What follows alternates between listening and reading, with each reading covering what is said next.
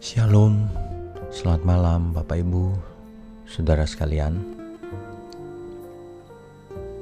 Alkitab mengatakan bahwa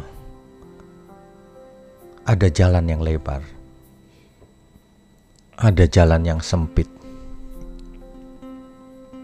Jalan sempit inilah yang dijelaskan oleh Tuhan Yesus bahwa masuk kerajaan surga itu jalannya sempit.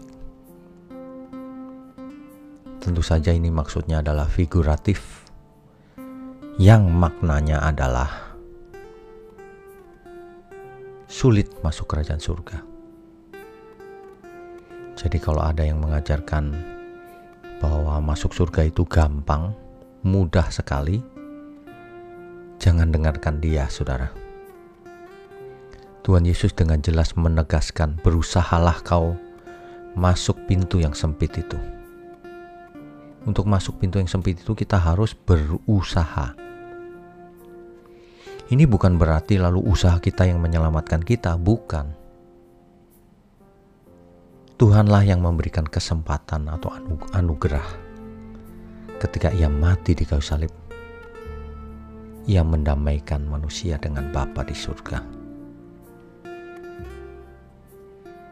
Jangan salah mengerti ya, saudara. Ketika kita diampuni, maka kita memasuki jalan yang sempit itu harus berusaha. Sulit. Apa maksudnya? Maksudnya adalah kita harus menjadi manusia baru, berubah total kodrat kita. Dan itu sangat tidak mudah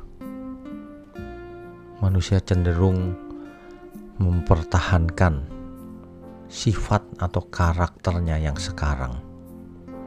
Itulah sebabnya sulit berubah.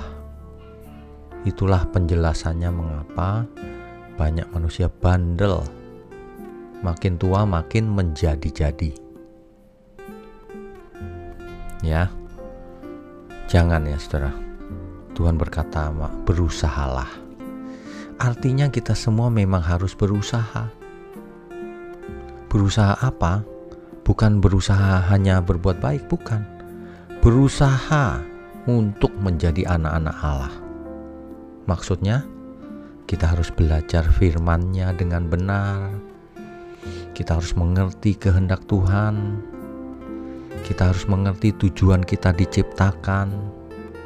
Akhirnya kita harus melakukan seluruh perintah Tuhan sehingga dari hari ke hari kita diproses, makin hari makin seperti yang Tuhan kehendaki, makin menjadi manusia-manusia Allah.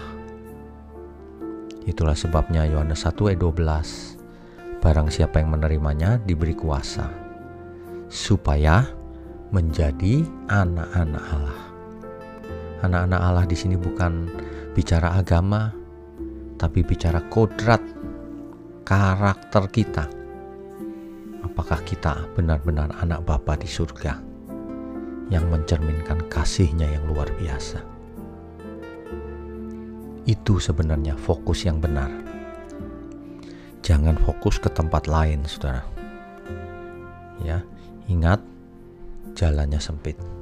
Kita harus berusaha dengan segenap hidup kita, seluruh waktu kita, seluruh tenaga kita Itulah ibadah yang benar.